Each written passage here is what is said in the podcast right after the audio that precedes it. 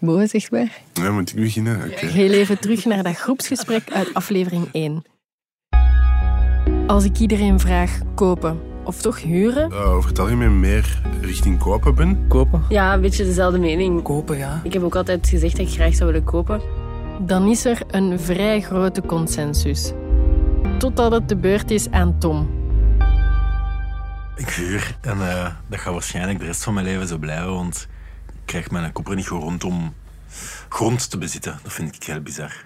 Kun je dat eens uitleggen wat je daarmee bedoelt? Ja, ik vind dat gewoon raar dat het normaal is dat er iemand kan zeggen alles en iedereen dat beweegt op deze wereld, kust al... Nee. Vergeet het.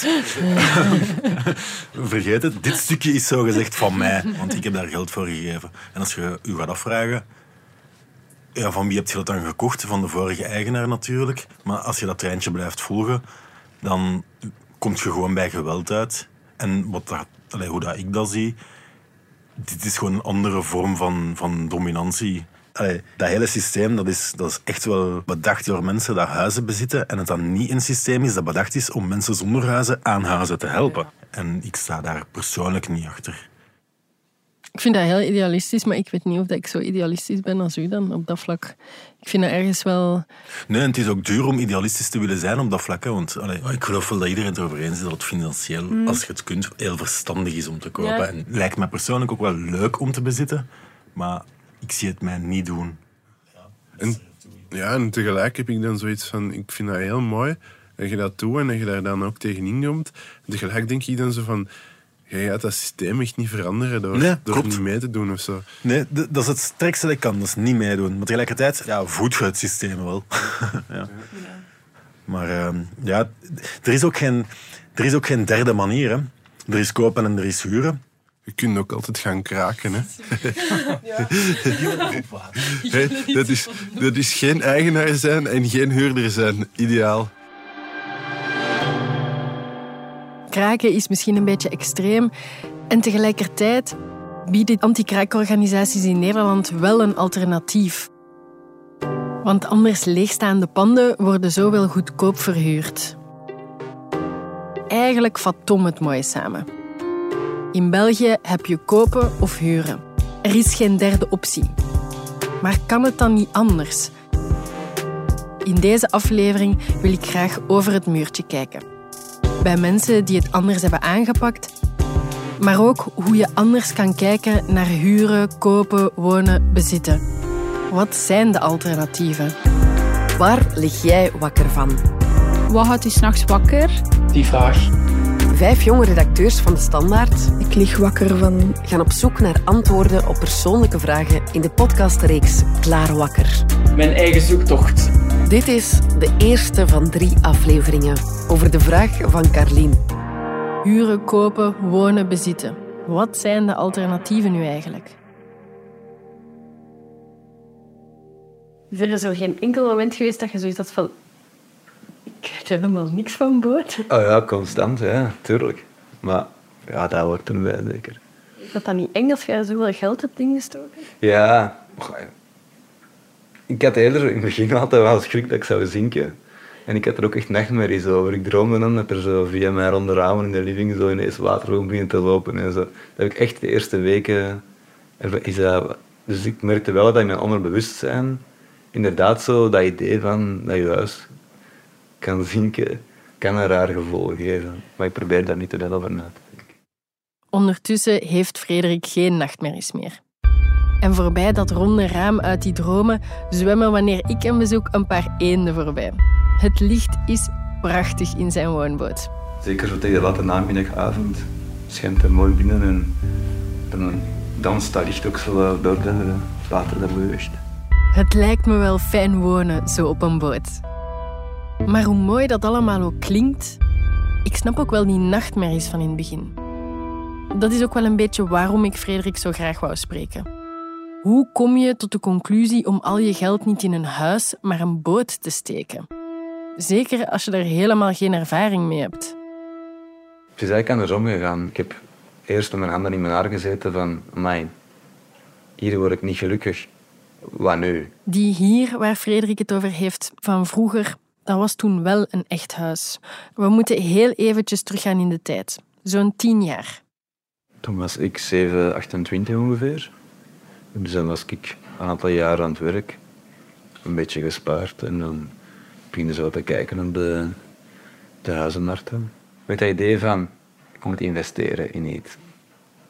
Maar het resultaat was dat ik maar beperkt kon investeren. Of, of een beperkt huisje kon kopen. En dan was het gewoon van, oké, dan pak ik gewoon dat. Maar ik dacht gewoon dat voor mijn huis, voor mij is het eigenlijk voor te slapen en voor te eten en voor de rest ben ik toch veel weg. Met vrienden, eh, voor mijn werk veel naar het buitenland een deel van het jaar. Frederik is freelance fotograaf. En als hij buitenland zegt, dan is dat niet vlak bij de deur. Hij zat een hele tijd in Kirgizië voor een fotoreeks over nomaden, trok naar de favela's in Rio de Janeiro of volgde Braziliaanse mijnwerkers. België is maar een deel van het jaar zijn thuis. Ik heb het gewoon nodig voor mijn job om, om, om echt wel te kunnen zeggen, ach, morgen moet ik voor een maand naar Ginder. Dus ja, dat hij wat kleiner is en dat hij aan een drukke baan ligt, dat boeide me allemaal iets minder of zo. En dan na een paar jaar beseffen dat je daar niet echt gelukkig in wordt. En dan heb zoiets van, ja, ik ga niet heel mijn leven op een plek wonen die goed geïnvesteerd is, maar die, waar ik niet gelukkig ben. Dat is ook het niet waard, weet je. Frederik legt opnieuw alles in de weegschaal. Een plek vinden waar je je goed voelt, de stabiliteit van een investering, de vrijheid die hij nodig heeft voor zijn job. Waar kan hij die voor zichzelf dan vinden? Terug gaan huren, hou ik dit dan bij en verhuur ik die, of verkoop ik dit en in mijn bus te gaan wonen. Ga ik terug gaan samenwonen met iemand, heb ik dan wat extra spaargeld of ga ik gewoon terug huren? Fulltime uh, nomade worden. Dus het was echt, ging het echt alle kanten uit.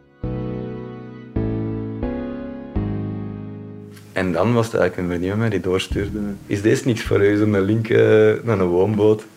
En ik deed dat open en ik zag dat en ik zo, wauw. We doen dat gewoon en we zien wat daaruit komt. En als het niet is, dan is het niet. En dan verkopen terug. En dan, dat is ook het verschil met een boot trouwens, is dat je, je zit niet... Het nadeel is dat je geen hypotheek kunt afsluiten, maar het heeft ook voordelen dat je geen notarissen en, geen- en, en geen hypotheekbanken, weet ik veel wat maar moet. Het is gewoon kopen en verkopen. Hè. Dat je een cola gaat kopen in de winkel.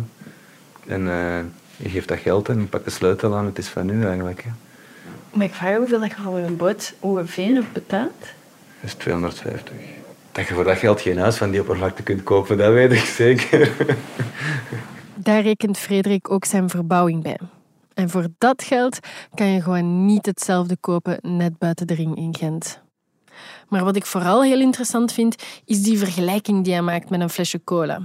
Oké, een beetje overdreven, maar het is waar. Een boot geeft een bepaalde flexibiliteit. Geen hoop papierwerk, geen notariskosten. Iedereen die ik sprak die een huis had gekocht, gaf hetzelfde argument. Ik kan altijd verkopen. Maar in mijn gevoel geeft een huis toch niet diezelfde flexibiliteit. Of maak ik er meer van dan het is? Wij verhuizen gemiddeld dat minder dan anderhalve keer per mensenleven, terwijl in Europa zit dat rond de 2,5 à 3 keer. Dat is Leo van Broek opnieuw. De architect, prof en voormalig Vlaams bouwmeester. En het feit dat we zo weinig verhuizen, dat kan wel degelijk voor problemen zorgen. Omdat massa's weduwen en weduwnaars in een fout gelegen, geïsoleerde, een, vereenzaamde fermetten zitten in de middle of nowhere, maar ze kunnen hun eigendom niet verkopen. En De thuiszorg rijdt per dag in Vlaanderen 600.000 kilometer, dat is 15 keer de planeet. Het is volgens hem trouwens niet alleen voor oudere mensen een probleem. Omdat een starterswoning iets anders is dan een gezinswoning, dan een kroosterrijke gezinswoning, dan een gezinswoning waar de kinderen uit het huis zijn, een assistentiewoning en een zorgwoning. Wij moeten telkens naar de notaris. Of wij verhuizen niet. Het is trouwens niet enkel die flexibiliteit. Als we woonkosten lager willen houden, als we allemaal en masse energiezuiniger moeten kunnen wonen, dan moeten we anders kijken naar wonen en ook bouwen. Dat vergt een ander model. Dan moet je serieproducten kunnen op de markt brengen. Met kleinere kamers, maar wel met een tuin of een collectieve daktuin. Bij super geïsoleerde producten die, zoals auto's, van de band rollen. Maar wij zitten nog met een ambachtelijk métier. Wij, wij ontwikkelen met een, met een architectje en met een metser op een stelling met baksteentjes in Mortel. Of nog erger, En nu zijn wij 500 gezinnen naar de Brico aan het sturen om een spaarketel. en dat werkt niet. Dan begin je te zien dat die overheid niet het geld heeft om het basisprobleem, de woonkost, bij te spijken. Maar dat gaat niet vanuit de markt. Zolang de markt passieve woningen met hoge energiestandaarden moet maken, en in een winstmodel ze dat niet, dat ze dat niet kunnen afschrijven op 200 jaar, maar op 30 jaar of moeten verkopen, omdat men nog altijd denkt dat iedereen moet kopen, kun je daar geen businessmodel zoals Aldi of Lidl, hè, basisvoorzieningen aan basisprijzen. En als je kijkt naar waar de meest comfortabele kwalitatieve woningen staan, dat is Zwitserland, Oostenrijk, Duitsland, Scandinavische landen, waar heel veel huurmodellen zijn. Als je in een coöperatieve in Zwitserland woonrecht hebt, ja, die hebben 15.000 woningen in, in, in portefeuille. En in elke levensfase zeg je, ik wil voor kassa naar daar. En jij verlaat het ene en je krijgt het woonrecht in het ander.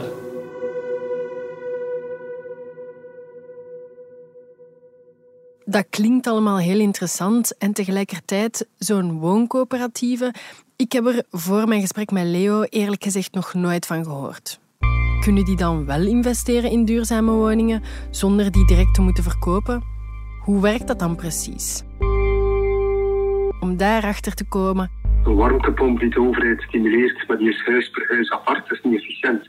Bel ik Karel Lotens. Je kunt beter een warmtepomp zetten voor tien huizen. Hè? Zowel naar materialen als naar technieken toe. Hè? En dat is toch ook wel een probleem vandaag, dat je echt wel die, die versnittering hebt. Dat we allemaal een grote living hebben, omdat we maar een paar keer per jaar daar met tien man in zitten, in plaats van met twee. Allee, we gaan daar toch oplossingen voor moeten bedenken. Is het niet voor deze generatie, al voor de volgende generaties zijn. Anders wordt die lijst op de sociale huisvesting enkel maar groter. In 2017 richtte Karel mee Woonkoop op, een wooncoöperatieve in Vlaanderen. Maar hoe werkt dat nu eigenlijk, zo'n wooncoöperatieve? En wat betekent dat? Een wooncoöperatief is een organisatie van burgers, voor en door burgers, die samen centen verzamelen om hun woonbehoeften, hun woonnood te kunnen organiseren. De coöperatie bouwt, verbouwt, renoveert panden, die houdt die in bezit. En die zorgt ervoor dat dat ook bestuurd wordt, georganiseerd wordt door die burgers die daar wonen. Die burgers die kunnen dus lid worden van de coöperatieve. En dat doe je door aandeelhouder te worden. Het zijn aandelen. Ja, dus mensen kopen geen vierkante meters of duizendsten of, uh, of baksteen. Mensen kopen aandelen. Die aandelen heeft hen recht om er te wonen. Dus dat woonrecht. Woonrecht. Dat klinkt voor mij nogal abstract als Karel het zo uitlegt. Maar het illustreert eigenlijk heel mooi wat een wooncoöperatieve nu eigenlijk precies inhoudt. Het zit ergens tussen kopen en huren in. En dat woonrecht dus ook. Het huis waarin je woont is niet van jou, maar van een hele groep, de coöperatieve. En die coöperatieve, daar kun jij dus aandelen van kopen. Je kunt het een beetje bekijken als een hypotheek. Het is lange termijn denken. Alleen heb je op het einde van de rit geen huis afbetaald waarvan je dan hoopt dat het in waarde is gestegen. Maar je aandelen zullen wel meer waard zijn als de waarde van de huizen in de coöperatieve meer waard worden. Al is het in een coöperatieve nooit de bedoeling om er echt rijk van te worden. We gaan niet uit van speculatie of meer vragen om daar boekerwinsten op te doen omdat vastgoed is. Maar de kosten moeten wel betaald worden. En die kosten die kun je dan weer een beetje vergelijken met huren. Want de woningen die de wooncoöperatieve bezit, daar blijven wel kosten aan, net zoals bij je eigen huis. Er is slijtage, je moet dingen onderhouden, investeringen doen. Er is een woonkost. Maar juist omdat het niet de bedoeling is om er grote winsten op te maken, ligt die kost wel vast. De woonkost is 3,5% van de unitkost. Even voor de duidelijkheid, met unitkost bedoelt Karel de aankoopprijs van het appartement waar jij in woont. Dus dat, de 3,5% is het getal per jaar, dat gedeeld door 12 is de woonkost. Oké. En dus die is anders voor 1, 2, 3 slaapkamers, die is anders in Gent dan in Leuven. Ja. dus dat is de woonkost. En die gaat naar beneden, conform het kapitaal dat je hebt ingebracht. Heel concreet, hoe meer aandelen je dus hebt, hoe lager die woonkosten. Stel, het appartement waar jij in woont, dat kostte 300.000 euro in aankoop. En jij koopt voor 100.000 euro aandelen.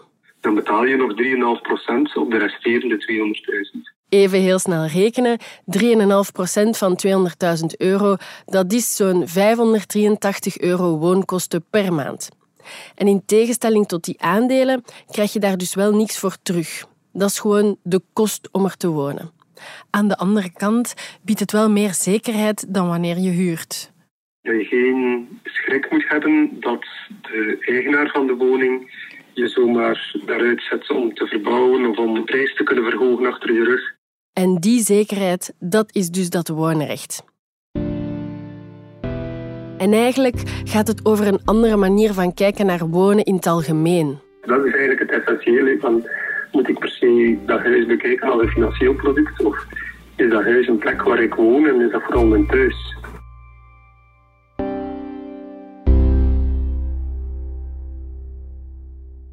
Als Karel het zo uitlegt, dan begrijp ik wel echt wat hij bedoelt. Het lijkt me best wel fijn. En tegelijkertijd denk ik niet dat het zo gemakkelijk is om met zo'n grote groep iets te bezitten. Misschien omdat ik het te veel gewoon ben om op dat vlak te denken in functie van mezelf en mijn lief. Maar is het zo gemakkelijk? Je hebt daar ook wel heel veel valkuil in, want had dat echt dat gerust heel anders kunnen gaan. Hè? Er is sowieso een heel groot gevoel van vertrouwen nodig voor zo'n groot project. Dat is Rachel. Okay, ik, moet, ik moet ook niet zo praten. 31 jaar en woont net als ik in Brussel. Maar waarom ik haar vooral zo graag wil spreken, is omdat ik het verhaal dat zij mij vertelt zo interessant vind. Ze heeft niet gekocht bij woonkoop, maar ze gelooft heel erg in de kracht van collectief, van samenkopen. Binnenkort verhuist ze samen met haar lief naar een co-housing project. En als je haar dat een paar jaar geleden had verteld, dan had ze je gewoon niet geloofd. Als je daar binnenkomt, ja, de eerste keer was echt zo van, ja, nee, hè, dit gaan wij, dat kan niet. Ja, oude, hele mooie tegels in de, in de, gang. Die gang is heel erg ook een heel grote Er hangen nu ook nog zo kleine raampjes die gewelven, die zo rond zijn. Je hebt heel veel elementen eigenlijk die bewaard zijn gebleven bijna van een kloosterhuis. En ja, Jens, uh, allez, we gaan hier rondkijken en we gaan zien wat dat geeft. Maar wij gaan dat nooit, nooit kunnen betalen. En toch gaat dat klooster, dat mooie oude pand, nu Rachel en Jens hun nieuwe thuis zijn. Of toch voor een deeltje. Dus wij zijn 17% eigenaar van de daken, de tuin, maar ook onze unit, onze vierkante meters. Dat moeten intense gesprekken zijn geweest. Zo bepalen wie hoeveel procent eigenaar is. En ik bewonder ook wel de openheid van de groep op dat moment. Want 17% eigenaar betekent ook dat Rachel en Jens bijbetalen aan dingen die niet per se voor hun zijn. Is er een appartement dat minder zon krijgt, dan worden er extra ramen betaald voor dat gedeelte. Heel de groep legt bij.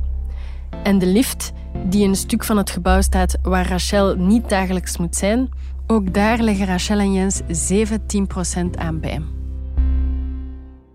Er zijn sowieso discussies geweest, hè? discussies over geld. Allee, ja de meest hechte families zijn voor minder uit elkaar gegaan. Hè? Maar um, er is altijd een heel open communicatie geweest over eventuele financiële zorgen. Maar als het punt bij paaltje komt, moet er ook wel zwart op wit bewijs zijn voor uw daden of de dingen die je hebt beloofd. Hè? Dus uh, ja, het is natuurlijk ook geen goed doel.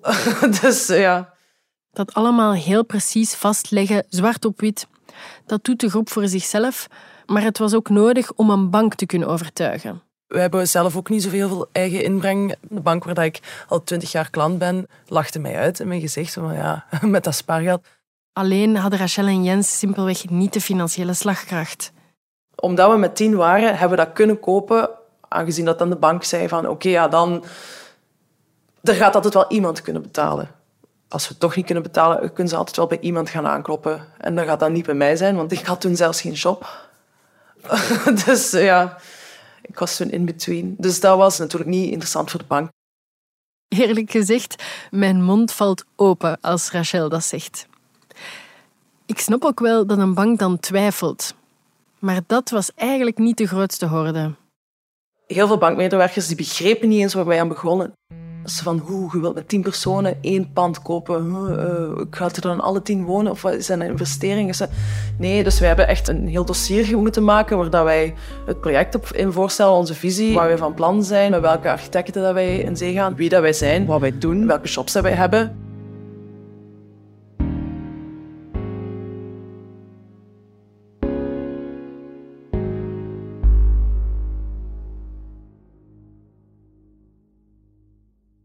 Aan de ene kant ben ik heel blij voor Rachel. Maar het blijft wel malen. Misschien ook omdat het mij deed denken aan iets wat Karel Lotens van Woonkoop zei. Die grote wooncoöperatieven met soms duizend gebouwen in Zwitserland, Oostenrijk, Frankrijk en Denemarken. We kunnen daar naar kijken en, en ons laten inspireren, maar de financiële modellen daarachter, dat is bijna niet te kopiëren in Scandinavië, Frankrijk of Zwitserland. Het zijn projecten waar ze 70, 80 procent kunnen lenen bij de bank. Ze krijgen ook goedkope leningen of renteloze leningen bij de staatsbank of bij de stad. Ja, dan heb je een heel ander verhaal financieel. Hè. Wij kunnen maar vandaag maximum 50% lenen bij de bank, dus je hebt 50% eigen middelen nodig. Dat is nog altijd heel veel en dat vloekt een beetje met onze visie van nee, we willen het toegankelijk maken, maar je hebt toch nog altijd een smak geld nodig om die projecten op te starten. Als woonkoop nieuwe gebouwen wilt kopen, heeft het dus vooral mensen nodig met veel geld. En dat is wel jammer. Waarom is dat dan zo? Als je als individu of koppel gemakkelijk 80% van de aankoopprijs mag lenen bij de bank, waarom zou een groep mensen dat dan niet mogen in een coöperatieve? Mensen denken dan vaak dat doen de banken zelf. Dat is natuurlijk voor een deel ook zo, maar het is ook iets wat is gemaakt door politieke besluiten. Dat is Manuel Albers nog eens, professor sociale en economische geografie aan de KU Leuven. En niet alleen politieke besluiten over de woningmarkt, maar vaak politieke besluiten over financiële markten. Hoezo over financiële markt? Omdat heel veel woningmarktbeleid is eigenlijk financieel beleid. Hoe we onze banken reguleren heeft een invloed op hoe zij hypotheken verstrekken aan mensen. Ja, en als de, de meeste huishoudens om een woning te kopen afhankelijk zijn van een hypotheek, is dat financiële beleid dus minstens even belangrijk als het woningbeleid.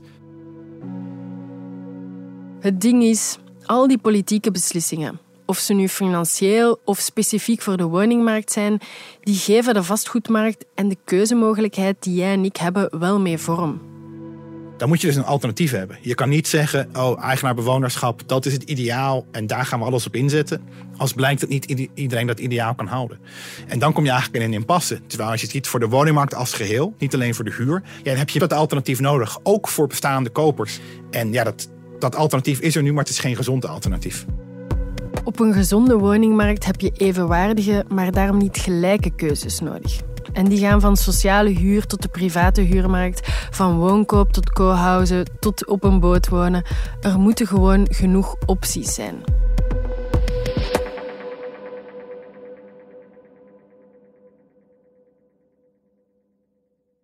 En hoe het met mijn eigen keuze zit, eerlijk gezegd, wanneer ik met de eindmontage bezig ben, duizelt het wel een beetje. Heb jij het gevoel dat je veranderd bent? En dus ga ik naar huis. Naar mijn mama, mijn papa en mijn zus. Ik denk ook dat ik van mening ben veranderd. In de zin van, ik denk dat exact dezelfde dingen meespelen als voordat ik aan de podcast begon. Maar ik heb wel het gevoel dat de druk die ik inderdaad voel over zo pensioenen en zo, dat die iets minder is. Mhm. En dat is goed. Ja, dat is goed. Bedankt. Pastoorlijke groei, ja. Wauw.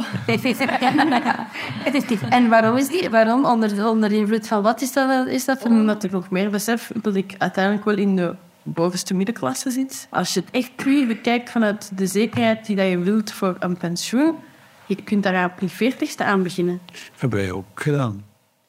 Eerlijk gezegd, daar had mijn 14-jarige zelf nog niet eens aan gedacht. Mijn ouders waren ook 40 toen ze dat huis kochten. Geeft me allemaal wat meer rust. Over dat financiële stukje, maar ook gewoon de hoe, de wat, de waar. Dat ik jou wel gewoon op heel, in heel verschillende scenario's zie. Mhm. Ik denk dat je enerzijds zo een heel erg mooi historisch landgoed ergens zou kunnen verbouwen. Inclusief balzaal-vibes, zoals in de tekenfilm Anastasia, als ik dat zo hoor. Of course wel inderdaad zo een caravan waarmee dat je overal rondrijdt. Ik weet ook niet dat ik jou echt zie ergens wonen voor de rest van je leven. Alleszins moet het een heel boeiende plaats zijn. Oké, bij deze bedankt. Ja, bedankt. Graag gedaan.